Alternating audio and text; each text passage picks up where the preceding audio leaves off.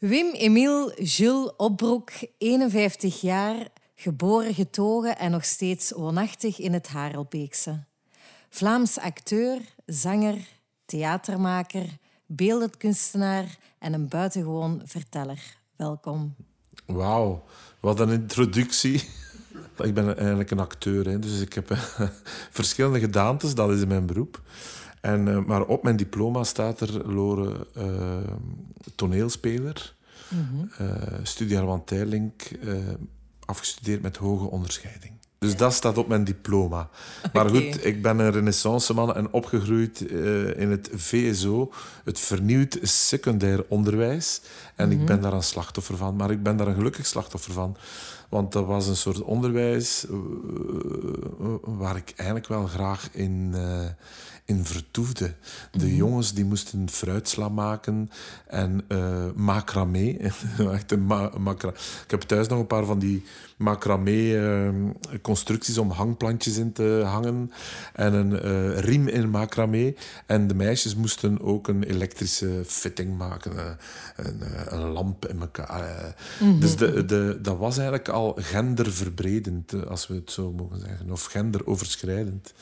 Heel boeiend en toch wil ik het vandaag heel graag met u hebben over muziek. En ik ben eigenlijk heel benieuwd wat er vroeger bij jullie in jullie platenkast stond. Mm -hmm. En ja. was er een platenkast? Ik ben opgegroeid in een uh, niet zo'n bemiddeld gezin. Uh, ze hebben zich dan wel heel erg uh, naar, naar, naar boven geknokt, mijn ouders. Mijn uh, uh, ja, moeder is een verpleegkundige en, en mijn vader stond in het onderwijs. Dat was eigenlijk nog wel oké. Maar uh, thuis in de platenkast, daar stonden... Mijn vader luisterde naar het orkest van Mantovani, naar James Last, naar Theo Mertens. Mijn vader was verzot op trompet, het trompetgeluid van koper. Uh, een klein gemis bij hem, want uh, hij komt echt uit een, uit een zeer eenvoudig arbeidersgezin waar naar school gaan en lang naar school gaan en niet totaal niet aan de orde was. Al zeker niet een instrument leren. Mm -hmm. uh, en ik denk dat hij daardoor zo graag... mijn vader heeft altijd gezegd, ik had zo graag trompet willen kunnen. Dus mijn vader is ontroerd bij koper. Dus uh, ook andere Blauwe Donau, uh, de grote walsen.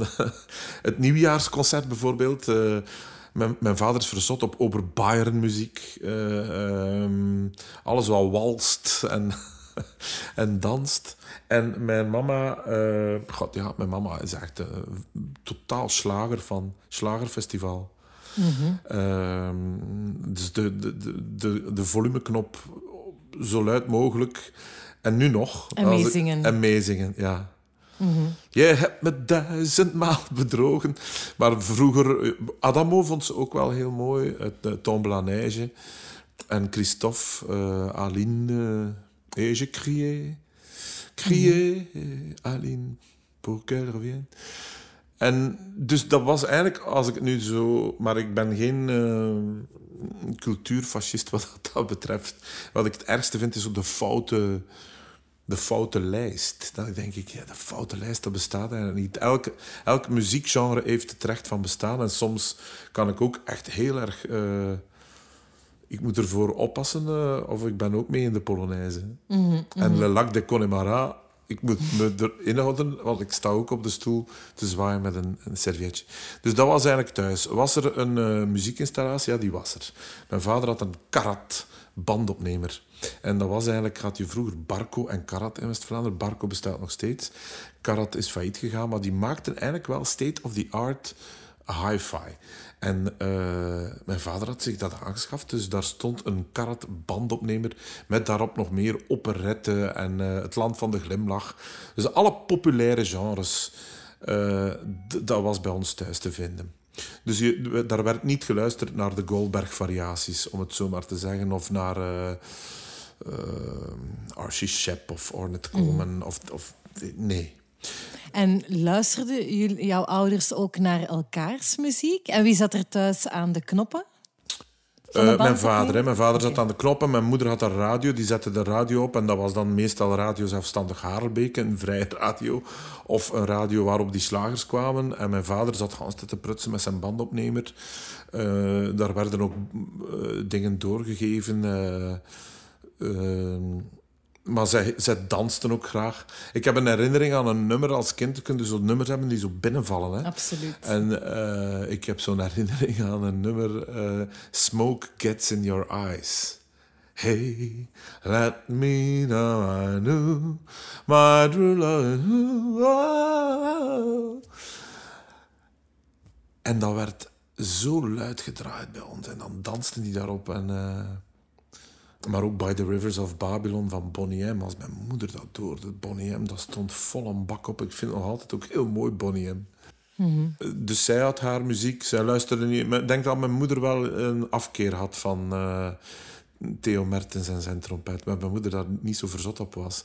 Maar ze hebben mij wel altijd gestimuleerd. Hè, want het zou nu kunnen... Och, die mensen eh, hebben geen cultuurbagage. Dat hadden ze eigenlijk wel. Alleen door, door, door opvoeding, door, door de samenloop der omstandigheden in hun leven, ben je niet altijd gezegend dat, dat daar eh, alle Bachkantaten staan. En, eh, dat, soms moet iets er ook zijn. maar- dus dat was er niet. Maar ze hebben wel mij en mijn zus altijd gestimuleerd om naar de tekenschool, de muziekschool te gaan. Dus dat allerprille begin, dat, daar voelde ik wel... Er was altijd veel muziek. dat, dat was wel zo. Er was altijd veel muziek in huis. Het was nooit stil. Never. Zullen we samen luisteren naar een muziekje waar jullie ouders eh, soms op dansten? Oh?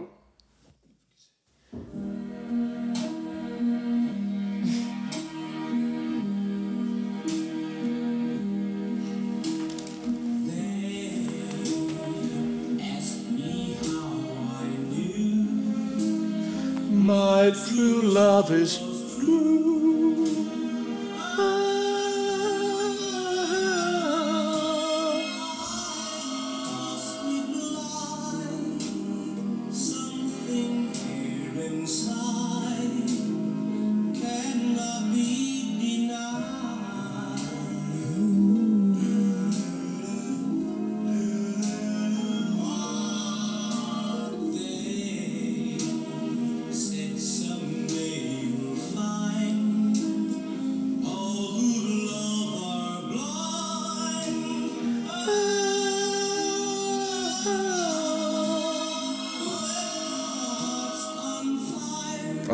Topnummer, hè?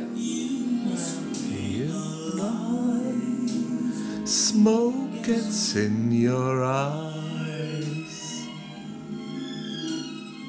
En we hadden ook de, de disco-versie.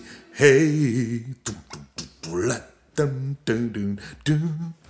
En dan op die bandopnemer. En bandopnemer zo mooi was dat die, die, die twee banden aan het draaien waren. Hè. En, een pick-up hadden we ook natuurlijk, hè, om de platen op te draaien. Die dan later kwamen, Loren, toen ik twaalf was. En ik eh, het mooiste cadeau ooit heb gekregen eh, in mijn leven van eh, Anneke Liebrecht. En Anneke Liebrecht was een vriendin van het huis, een architecte. En eh, ik kreeg van, waar een boezemvriend nog steeds van mijn ouders, en ik kreeg voor mijn twaalf jaar voor een plechtige heilige communie eh, een abonnement op de Vlaamse mediatheek. En eh, dat was een, ja, een bibliotheek, maar dan met uitsluitend LP's, langspeelplaten, vinyl. Er bestond nog niks anders. Je had de cassettes en je had het vinyl. Dus ik was twaalf en ik mocht... Dat was in de, in de gebouwen van de eh, Stedelijke Academie. Voor, eh, niet voor muziek en woord, maar voor beeldende kunsten. Een prachtig oud gebouw, grote inrijpoort. En daar was de mediatheek. En daar kon je dan wekelijks... Ik ging elke zondag met mijn abonnement braaf naar de mediatheek. En daar zat, als je binnenkwam, Lucie Collardijn. Lucie Collardijn heeft er heel haar leven al 95 uitgezien. Eh, een hele strenge vrouw. En zij, eh, ja, zij was dus... eh, bij haar moest je de platen gaan ontlenen. Ehm, en als je ging, dan moest je u, als je de eerste keer ging, uw pick-up naald meebrengen. Dus de naald van de pick-up kon je zo afnemen. Die werd dan in een doorzichtig plastic doosje gestoken. Helemaal in de watten legden we dat dan. En dan legden we dat in- de watten. En dan eh, met een bang hartje naar Lucie Collardijn. Ze zat er aan een groot bureau. Heb uw pick-up naald mee? Ja, mevrouw. We gaan een keer kijken of dat ze nog goed is. En dan zetten ze zo'n grote lamp met een licht in en een vergrootglas. Waardoor haar ogen nog groter werden. Djoef op die... Op die eh, En dan bekeek ze die naald. Dat duurde in mijn herinnering uren. Bekeek ze die met een arendsoog heel eh, scherp. En dan zei ze... Ze is nog goed. En dan... De pick-up naald was wel een duur item eigenlijk. Eh, ik, eh, gaat daar ook... eh, the sky was the limit. Gaat er, dat was mijn diamantje, een pick-up naald. En pas als je naald in orde was, dan, Dan mocht je platen uit. Ja, die werd gekeurd, dan mocht je platen. eh, dus af en toe zag ze, ah, je hebt al zoveel maanden je pick-up naald niet... eh kun je volgende week moet je pick-up naald meebrengen? En dan moesten we weer die pick-up naald meebrengen. En dan was het vaak zo dat je naar huis ging, papa, we gaan een nieuwe pick-up naald moeten kopen. Eh, vervolgens ging je daar binnen en dan had je al die bakken kleinkunst, jazz, pop, rock, opera, operette dat was zo helemaal ingedeeld. En ik ging systematisch alles af. Een plaat van, uit de jazzbak, een plaat uit de popbak, een plaat uit de kleinkunstbak. En ik ging af op... Want ik had eigenlijk nog niet echt referenties van... Van wat moet ik nu luisteren, wat is goed. Maar ze hadden daar eigenlijk wel al een uitstekende keuze. Daar zat eigenlijk geen brol in die bakken. Het is natuurlijk subjectief wat je graag hoort. En wie gidste jou daar? En wel, zij niet. Hè. Lucie was echt puur de bewaakster. een soort... vra- Ja, ik weet het niet, zo'n bewaker van, van, die, van die mediatheek. Maar daar werkten eigenlijk ook nog twee jonge gasten. Eh, Jeff Buitenbier en eh, Frank Dane. En dat waren twee jonge gasten, maar die waren een stuk ouder dan ik. Die waren zo acht, ja, denk prille twintigers. En eh een ervan is de broer van de bassist van de Dolfijntjes. En de andere is eigenlijk later een theatertechnieker geworden. En dat waren ja, jonge rock and rollers, weet je wel. Eh, en die zeiden, ja, moet ik Led Zeppelin meenemen? Dan moet ik er Pop Taddes mee. En, en, en die, die, die, die staken allemaal platen eh, in mijn handen, omdat zij ook onmiddellijk voelden van, ja, die gast is nieuwsgierig, die wil dingen meenemen. En zij hadden ook de discobus. Dus zij reden naar de deelgemeentes met een bus met een, een collectie platen. En in de deelgemeentes kon je dan de discobus binnenstappen en eh, platen ontlenen. Dan, in de platen, het verhaal is nog niet af, zat er een hoesje. Dus eh, met daarin fiches. En op die fiches stonden er twee rondekes getekend. En dan keek Lucie naar de plaat, Ze kwam dan binnen terug met uw platen, had ze een week, mocht je ze ontlenen, dan moest op tijd terug zijn. Dus ik de zondag weer eh, rond 11 uur naar de mediatheek en dan bekeek ze elke plaat, werd uit de hoes gehaald, werd bekeken of dat er nog krassen waren bijgekomen. Het moment van de waarheid. Het moment- maar dat was echt met bevende knieën, want dat, meen dat echt serieus. Dat was zo serieus. Dat was zo serieus. Van... En dan, als er een kras was, dan, dan zetten ze daar in potlood een krasje op, uw, op, op het rondeke bij. Als het een dubbele LP was, zaten er twee keer fiches in met, met vier rondekes. Eh, maar dat, ja, voor mij was dat een schatkamer. Hè. Dat was de muzikale schatkamer van Alibaba dat openging. Hè. Daar heb ik zoveel... eh, de Köln Concerts van Keith Jarrett, de, de moeilijkste dingen, maar ook klassieke muziek. Hè. Ik was daar ook doorgebeten. eh Als voor- kind al. ja, vooral... Ik vond die Theo Mertens eigenlijk ook wel mooi. En die Marsmuziek stiekem ook. Marsmuziek vind ik ook nog altijd een guilty pleasure van mij. Maar, maar of de fire, Music for Fireworks van Friedrich Händel. Hij pakte dat dan mee en ik legde dat op. Ik zei, wat is dat? Dat was fantastisch. Of de Vuurvogel van Stravinsky. Ik legde dat op en dat was een ontploffing. Ik ging ook al wel naar de muziekschool, maar dat was te, voor mij te academisch. Dat was te... Ja, dat, dat stootte me eigenlijk af. eh. Vanaf wanneer ben jij zelf muziek gaan spelen? Of ben je ooit naar de muziekles geweest? En door wie ben je naar de muziekles beginnen gaan? En wel, er stond een piano thuis. En staat eigenlijk nog in het repetitiekot van de Dolfijntjes. En eh, de oude piano van mijn grootmoeder. En mijn grootmoeder eh, is opgegroeid in een café. Het, eh, en in dat café stond die piano, maar al van, van, van, van in de Eerste Wereldoorlog stond dat daar. Dat is mee verhuisd, verhuisd. Maar dat is een slechte piano, ik kon die niet meer stemmen. Maar ik heb daar altijd op gespeeld. En op een gegeven moment, en het hangt er nog altijd op, heb ik een keer een sticker kunnen be- bemachtigen van Roland. En ik heb er dan zo een oranje sticker op gekleefd van Roland. En ik wou eh, orgel spelen. Dus ik was eigenlijk nogal verliefd op Evangelini, die dan eh, een, eh, or- orgelmuziek en, en ook klassieke orgel.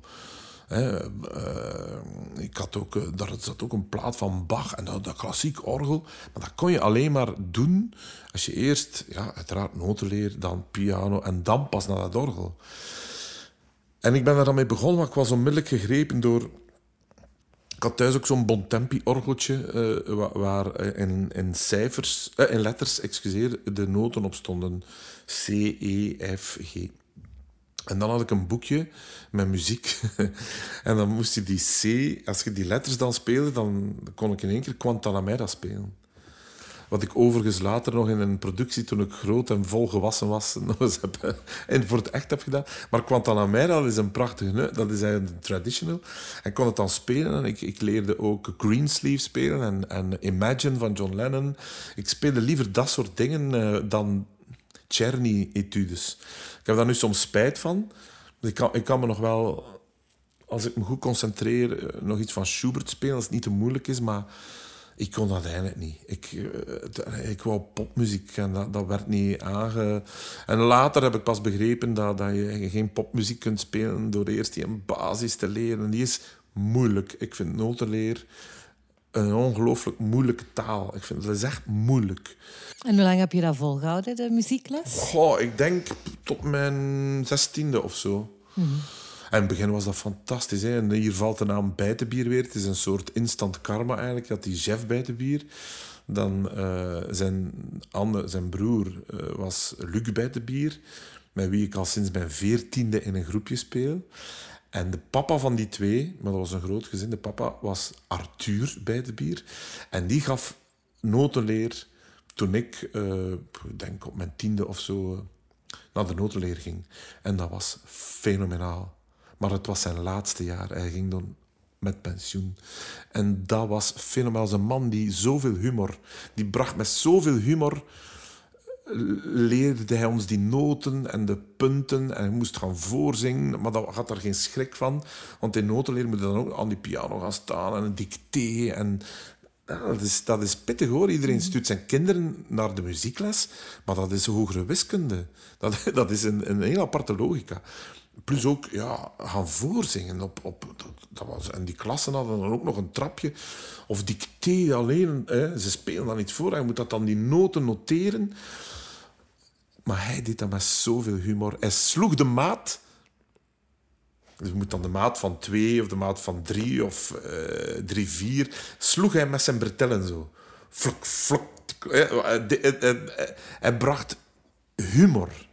En dat hebben die bijtenbiers wel allemaal eigenlijk. Maar dat was zijn laatste jaar. En dan kwam mevrouw Corijn. En dan werd het heel ernstig. Zullen we eens een flashback maken naar jouw jeugd door een van die nummertjes die jij speelde op de piano of Ja. op het orgel eens te beluisteren? Het zou Keith Jarrett kunnen zijn. Greensleeves. Dom,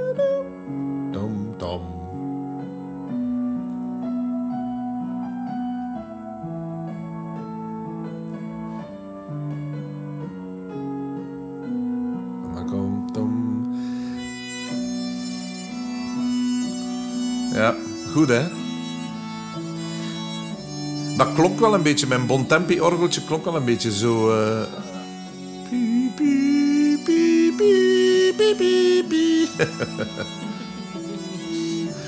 Zet het maar af. maar dat was wel een beetje hoe het klonk in mijn kamer. Dat was wel een beetje hoe het klonk. Ik vond dat dan mooi, hè. Eh, ik zag Cecilia komen, die daar ook aan denken. Hè. Ja, dat, was zo, dat waren van die boekjes. En ik herinner me wel nog de frustratie van... eh, iemand gaf me ooit eens eh, pianomuziek van Lully. Dat is barok. Maar jongens, toch. En, en, en dan voelde van... Ja, ik ben te vroeg gestopt. Ik ga dit niet kunnen. Maar ik denk van al diegenen die daar in de muziekschool zaten en de pianoles zaten, ik een van de enige ben die er nog zo elke dag piano speelt en er af en toe ook nog een, een, een boterham mee verdienen. Ja.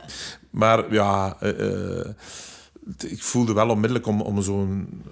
Je voelt onmiddellijk of je talent hebt om daarin door te gaan. Bij mij, bij mij was dat niet zo. Maar je, hebt wel heel, je bent heel snel begonnen met een eigen muziekgroepje. Wanneer was dat en welk genre van muziek Ik was letterlijk 14 jaar. Het artikel is onlangs nog eens teruggevonden. En daar stond als kop boven... De jongste zanger van West-Vlaanderen.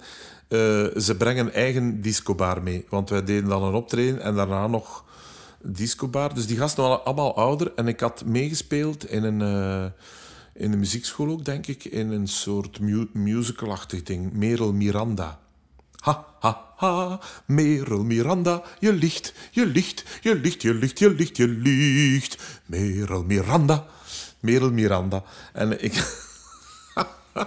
dus ik had erin meegespeeld en zij, die gasten, eh, die waren een jaar of vijf, vier, ja, vier, vier jaar ouder, denk ik, ja. Die speelden, die waren een begeleidingsgroep en die, die hadden een bandje, eh, The Frozen Ones. En de Frozen Ones hebben één LP'tje uitgebracht. eh, in die tijd hadden eh, Red Zebra met I Can't Live in a Living Room. En Peter Slabbing had dat, had dat geproduceerd. En was één singeltje. En wie was de zangeres van dat groepje? Was ehm, Doortje. Uit FC de Kampioenen. Namelijk... ehm, Aan Tuts. Anne Tuts, ja. Anne Tuts uit Zwevegem. Eh Anneke Tuts uit Zwevegem, die nog bij mij thuis is komen zeggen aan mijn ouders, uitleggen. Zij had ook studie Herman Teiling gedaan. Eh, hoe dat, dat dan is, zo'n opleiding. En Anneke Tuts ging naar studie Herman Teiling. Zij stopte bij de Frozen Ones. Die gasten hadden mij gezien, maar ik was 14 jaar. Dus moesten zij bij ons thuis toestemming komen vragen van mag Wim meespelen in dat groepje? Eh, er wordt zeker niet gerookt en gedronken. Mijn vader zei, dan is het goed.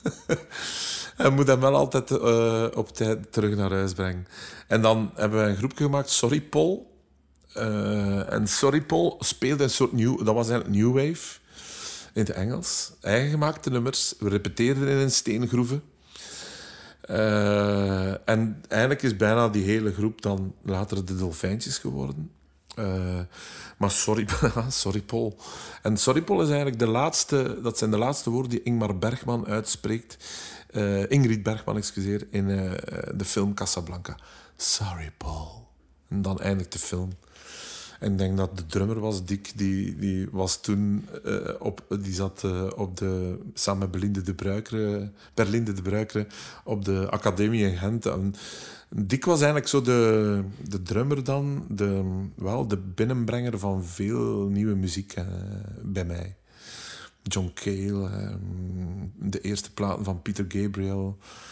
Dat, dat kwam allemaal via hem. En het was een heel artistieke gast en die schilderde. En, en eh, hij kwam zo, sorry Paul, man, dat sorry Paul noemen. Dat was nog een goede naam eigenlijk voor een band. En dan speelden wij overal in jeugdhuizen, overal te landen, we gaan optreden.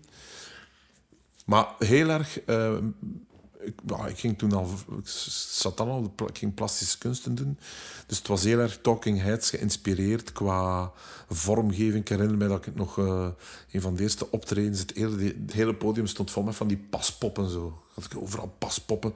Ik zie dat nog voor je. Ja, dat stond vol met paspoppen en stond er dan tussen te dansen. En, maar het, het, het was een beetje punk new wave-achtige muziek eigenlijk. En, en ook eh, tegen Ronald Reagan. Ik Ronald Reagan dan begon. Dat is echt zo anti-Reagan en, en, en eh, decadent America. We hebben één nummer, ah, dat is juist. Wim Muilaert lacht me daar nog altijd mee uit. Dat staat ergens opgenomen, het nummer Decadent America. En dan schreef ik in het Engels zo... Oh, Decadent America, you're so... Weet ik veel, maar ik ken tekst niet meer. Maar in één keer valt me nog te binnen het nummer Decadent America.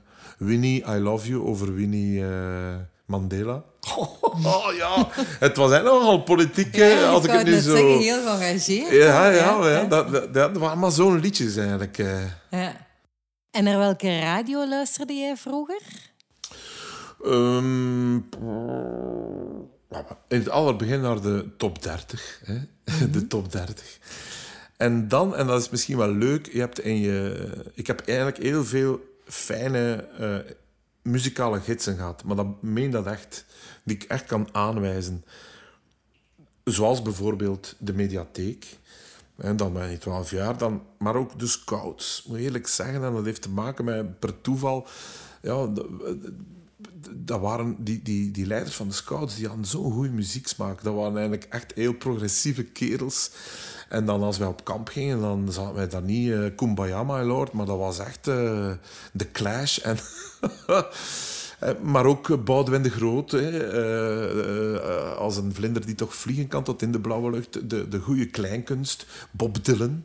Hè, eh, Piet Seeger op de gitaren, die goede liedjes zingen. En twee van die leiders die hadden eh, op zondagavond, dat was fantastisch. Eh, bij ons, ik heb het al verteld, mijn moeder luisterde naar Radio Zelfstandig Harbeek, vrije zender. Dus vrije zenders, dat is... en we gaan nou een plaatje draaien voor Maria, eh, voor haar verjaardag. Proficiat, Maria. We luisteren naar Ik zit in een vliegmachine. Zo. Maar op zondagavond hadden die twee paters, eh, die nog altijd goede vrienden zijn van mij, en eh, die noemden zichzelf eh, Tom en Jerry. En die hadden een New Wave programma van twee uur lang, van acht tot tien. Dus op de, op de zondagnamiddag hadden wij scouts met hen. Toen was ik al een jaar of 17 of zo, eh 16, 17, hadden wij scouts.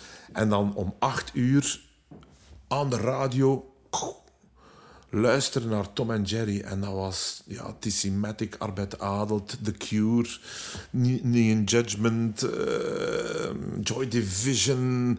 Ja, die hele Virgin Prunes, eh, Bauhaus, dat hele donkere zwarte New Wave. Maar die presenteerden dat zo geestig geworden, zo de bakken bier. En de, als je dan plus 18 werd, dan, dan, dan, dan gingen die... eh, ja, daar zaten ook altijd gasten in die studio. En die studio was op het dak van de Nopri. En dat is een supermarkt van vroeger. Dus je had de Nopri beneden, dat was dan een, appartementsgebouw, de, de Markt van Haarbeke. En op dat dak was Radio Zelfstandig Haarbeke met een enorme antenne. En daar zaten die. En één keer per jaar deden ze de New Wave Top 1000 of zo. En dan zaten wij werkelijk met cassetterecorders klaar. Ik heb die nog, die cassettes, te luisteren. Maar een, wat, wat ik er zo leuk aan vond, nu ik erover vertel, is eigenlijk dat die, die muziek eigenlijk wel vrij serieus. Maar de geestigheden waarmee dat die dat aan elkaar hingen, was fantastisch. Hè? En dan met de bandopnemer, de, de, de, de New Wave Top, top 1000. Dat was de Hansen dag kregen ze dan. En die hebben dat een x aantal jaar gedaan en dat was fantastisch. Voor de rest denk ik dat ik eh, Studio Brussel, eh, dat dat de zender was. Ik ben nooit zo radio... Je luisterde wel naar, denk, Guus de Koster. Ja, die, als dat begon, Funky Town. ehm, ja, het zo echt... eh, vroeger was dat meer niche. Dan, eh, maar ik luisterde ook naar eh, Mark van den Hoof. Naar jazz op Radio 3. Fenomenaal, hè. Dus... Van welke jazz hou je? Oh ja, van welke jazz, van alles. Die jazz is ook zo op een rare manier in mijn leven gekomen. Ik heb dat een keer achterhaald. Dan ging je eigenlijk, na die scouts werd je weer wat ouder. Hè? En dan kwam er weer een nieuwe gids, het jeugdhuis, het schurken. En in het schurken, dat was echt punk. Dat was echt een donker kot. Zalig, zalig. Maar zo van die jeugdhuizen die toen nog workshops gaven. Workshop zeefdruk. Workshop donkere kamer. Dat was dan hè, ontwikkelen van, van foto's. En eh, daar werd altijd zware muziek gedraaid. En ik kom op een dag binnen. Hmm, dan zat ik al in het eh, middelbaar. Ik kom een dag binnen en ik hoor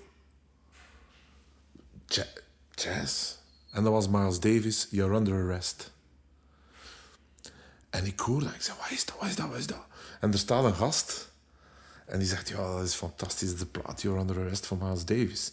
Dat is de eerste keer dat ik zoiets hoorde van, wauw, dat is jazz, dat, vind ik ongelooflijk. Daarvoor hoorde je wel Dixieland en klassiekere jazz en Duke Ellington en zo. Maar dat, in één keer was zo jazz, dat, wow, dat kwam binnen. Dan ben ik alles gaan opzoeken van Miles Davis. Dan kom je bij Kind of Blue terecht, een van de ja, iconische albums. Als er één jazzalbum in je collectie moet staan, dan is het Kind of Blue. Daar zit, dat vertelt alles wat jazz eigenlijk moet zijn. Maar later heeft hij Miles Davis, een voor, voor mij van de belangwekkendste artiesten. Ik heb die altijd gevolgd, omdat hij zichzelf voortdurend, eh, voortdurend dat En voortdurend met jonge eh, muzikanten werd. Dat was echt fenomenaal. En wat, die, wat, wat ook wel een, een, voor mij een muzikale ooropener was, eh, wat mij muzikaal heeft gevormd, was de afdeling plastische kunsten in het ateneum van Kortrijk. Alles heeft zo te maken met die ontmoetingen. Ik organiseer die ook graag. Hè. Dus meestal zijn het toch wel iets ouderen die dan zeggen: Ja, we moeten daar een keer en kende dit en kende dat. En kende... Dus ik, ik, ik doe dat ook graag. Ik, ga- maar ik word ook e- even graag gegidst door, door jonge gasten die mij nu zeggen: Moet je hier naar luisteren, ik kende dat. En, eh, maar dan kom je op die plastische kunsten. Ja, en los van die opleiding die voor mij het zaligste was om, om, om in terecht te komen. De wereld van de verbeelding, tekenen, atelier. In die ateliers was er altijd muziek. En een van die leraars, Mark Labarke, die luisterde bijvoorbeeld naar... eh, ik heb daar zo'n eerste keer Money van Pink Floyd. Tjung, tjung, tjung, money. En naar de Beatles, hè, want ik ben post-Beatles-tijdperk. Ik heb de Beatles nooit gekend. De Beatles zijn gestopt als wij geboren werden. Zou dat vergeten. Inderdaad. Maar, eh, en die luisterde ook naar de Beatles op cassettes. En dan mochten wij die cassettes gaan insteken. En er was een andere leraar, en dat was helemaal anders, die luisterde naar Dollar Brand Abdullah Ibrahim. En die luisterde naar, eh, en ik ben er nog altijd eeuwig dankbaar voor, African Marketplace. Een LP, Rick Lemaitre. Hij was van Gent en hij gaf tekenen. Ja, in Kortrijk iemand van Gent.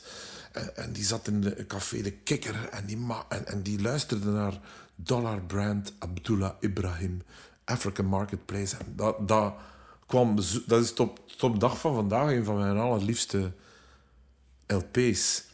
En dan zag ik die ook nog eens s'avonds in, in, in Limelight, kunstencentrum Limelight, waar ik ook de leraar fysica tegenkwam, die ook kwam kijken naar... Dat dat waren echt de meest maffe, wierde optredens. Plotseling komt hij aan. Ik, ik zeg, wat ligt er hier op? En dat was Frank Zappa. Terwijl we zaten te tekenen. Hè, eh, eh, Joe's Garage. Frank Zappa. Wat is dat? Tot op de dag van vandaag ook. Maar je moet soms die dingen ook eh, aangereikt krijgen. nog, hè. Ik merk een heel grote leergierigheid en nieuwsgierigheid ook naar, naar nieuwe muziek, nieuwe genres leren kennen. Wat betekent muziek eigenlijk voor jou, gevoelsmatig? Welke rol speelt muziek in jouw leven? Heel belangrijk. Hè? Dus een, een cliché een open deur van hier tot in Tokio. Maar het is wel zo, het moet dat vaststellen. De muziek is de rechtstreekse verbinding naar het hart en de ziel. Er is niets wat directer, wat directer naar uw hart gaat dan muziek. Een verhaal doet dat minder, literatuur doet dat minder, vind ik. Maar muziek is zo... Daarom wordt het ook gespeeld op alle grote gebeurtenissen. Een begrafenis, een, huwelijk... is toch vaak iets muzikaals wat troost biedt. Ehm, maar het is ook tegelijk de soundtrack bij alles wat ik doe. Soms denk ik van ja, ik zou perfect. Het zou, het zou goed zijn moest, moest er zo, zoals in de film een soundtrack zijn bij alles wat ik doe. Dan zou ik beter weten hoe ik mij moet voelen. Daar komen de violen, triestiger ah, of opgewektheid. En ik vind muziek ook is niet voor mij. Maar als je er, ik, heel vaak als je nadenkt over muziek of reflecteert over muziek, dan is het eh, ja, toch in de troost en zeggen ehm, dat dat ook vaak mij helpt in mindere momenten. Heb jij je liefde voor muziek, jouw passie, jouw leergierigheid ook doorgegeven aan jouw kinderen? Ja, maar niet, niet, niet als een soort eh, leerkracht. Maar dat is automatisch gebeurd. Het was er. Het, ik zie ook... Ik had onwel, onlangs wel een grappig fenomeen, wat ze zegt doorgeven. Eh, het was mij al opgevallen als ik in, in, in de auto van de auto kwam en, en mijn zoon had ermee gereden dat die radio altijd op nostalgie stond. ik zei, allee, radio nostalgie. Ja, dat is echt de beste muziek, zegt Emiel. En die is dan 23. Dat is echt de beste Zo muziek. vader, zo zoon. Maar ik kan me dat wel inbeelden, eh, waar Studio Brussel vroeger... Ja, is, dat is nu hè, een mainstream zender. Ik bedoel, bedoel, niet slecht of niet goed, maar is toch... Ik, ik, ik vind er niet zoveel meer aan.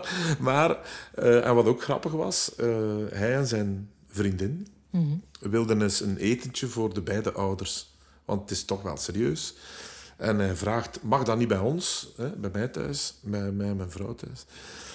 Eh, maar gaat u dan niet bemoeien met eten? Ik zeg, nee, ik ga me niet bemoeien met het eten. Jullie doen alles. Dus de tafel dekken, normaal maar alles. Ik, ik ga me met niets bemoeien, maar ik zeg dan ook niet met de muziek. Hè, De alles, hè. De, eh, ja, ze kennen mij dat das, de tafel moet gede- gedekt zijn, niet in plastieken potjes. Dat, eh, dat is echt een soort ja, snobisme, noem het. Eh, waar zij soms mee lachen.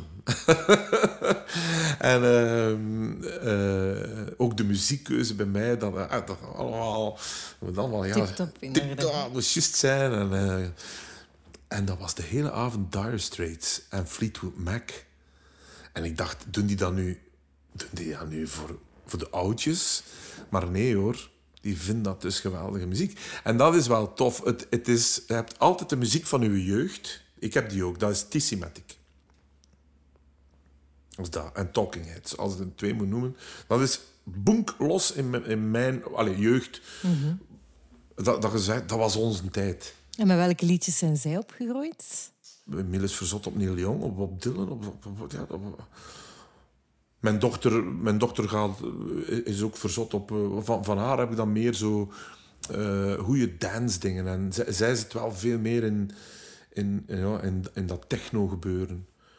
Maar, zij, Mart ook, dat gaat... Dat, dat die luisteren mee, alles. Even eclectisch als... Ik, vind dat, ik ben daar blij om. Vroeger hadden wij, als we zo met, als jonge vaders samen zaten, hadden we soms die nachtmerries van... Dat we dachten, oh nee, en ze gaan allemaal uitgaan van die dansings en van die boenke-boenke muziek. Wel, boenke-boenke muziek vind ik ook wel, ook als het goed is. Eh, maar kent dat soort... Ja, ik, maar ook daar, ja, eh, Doerfestival, Dranouderfestival, het is in jeugdhuizen. Niet, wij hebben dan niet gezegd van dat mag niet, want als ze dat hadden gewild, boah, dan, dan, zou ik het ook goed gevonden hebben. Het is, het is leuk. En nu, ik heb een gigantische collectie eh, cd's. Heel raar, ik heb nauwelijks lp's. Omdat ik die altijd ging gaan halen. en Ik kon ook geen lp's betalen, dat was eigenlijk wel best duur. En één keer, één keer ik me letterlijk muziek kon aanschaffen. We zijn naar de winkel gaan en kopen. Dan waren dat cd's. Dus, en die verdeel ik nu. Dus ik geef bakken mee. En dat is wel tof. We waren van de zomer samen en er stond iets op van Tindersticks. En het lief van Marten die zegt... "Oh, ik heb dat al zot gedraaid de laatste maanden. Ah, ik zeg, ja, dat komt uit die bak natuurlijk. Ah, ja. Vroeger was dat toch meer. Je of een newwaver, of een punker, of een hippie, of een, of een hardrocker. En nu luisterde toch veel meer door elkaar. Heb ik, heb, ik- heb ik het gevoel. Maar allee, het zijn nog altijd... Maar ze kiezen, ja, eh, nu, nu gaan we naar... eh, het zijn niet echt Tomorrowland mensen, laten we zo zeggen. Maar met alle respect voor... maar zij zijn eerder, eh, ja, zo... toch nog je, festival, festivalgangers. Old school. Maar ze zijn ook al oud, hè. Ze zijn nog niet meer zo piep, hè. En af en toe geven ze papa ook nog eens een nummertje dat hij moet luisteren of ontdekken. Ja, zeker. Zelfs Emiel, ik moet zeggen dat door dat... Maar bij Emiel is dat meer... In één keer waren die aan het luisteren naar, ook naar... Ik zeg, wat zijn die nu aan het luisteren? Ze zijn zo'n bestelwagentje aan het verbouwen tot een busje om in te slapen. En ik, Simon en Garfunkel. Simon en Garfunkel. En was, wat dat dan weer bij mij teweeg brengt, is van... van zo is dat bij Fleetwood Mac. In één keer ben ik totaal in Fleetwood Mac, Tusk. Ik, ben, ik heb daar nooit zo in die tijd echt naar geluisterd. Was mijn ding niet. En nu, ik vind dat fenomenaal goed, zeg. En dat komt dan door hen. Marten, die, daar kan ik, eh, als zij bij mij in de auto zit, ik zeg, steek maar een keer, eh, het is aan u, hè. En dan vraag ik om, de, wat is dat, wat is dat, wat is dat? Zij eh, injecteert mij wel met, met veel nieuwe dingen. De andere twee zijn zo iets meer eh radionostalgie. want Daar ken ik alles al van. Maar echt alle. Ik ken, ja, moest ik nu meedoen met een muziekquiz, ik zou wel goed scoren, denk ik, in dat segment. en die nieuwe dingen, ja, ook wel... Maar eh, ja, nee, dat is zalig. Hè. Of ook jonge acteurs, of, of andere, lijkt wie, jonge of oude acteurs. Maar acteurs die voeling hebben en, en interesse in muziek, eh, dan, dan, dan wordt er veel uitgewisseld. Net zoals titels van boeken, ja, ik ben er nog altijd eh, hongerig naar. Ja. Liefde voor muziek over generaties heen. Ja. Beste Wim, dank je wel voor het heel mooie gesprek. En ik stel voor dat we samen nog eventjes Oh, ja. luisteren naar Miles Davis. Welke heb je uitgekozen?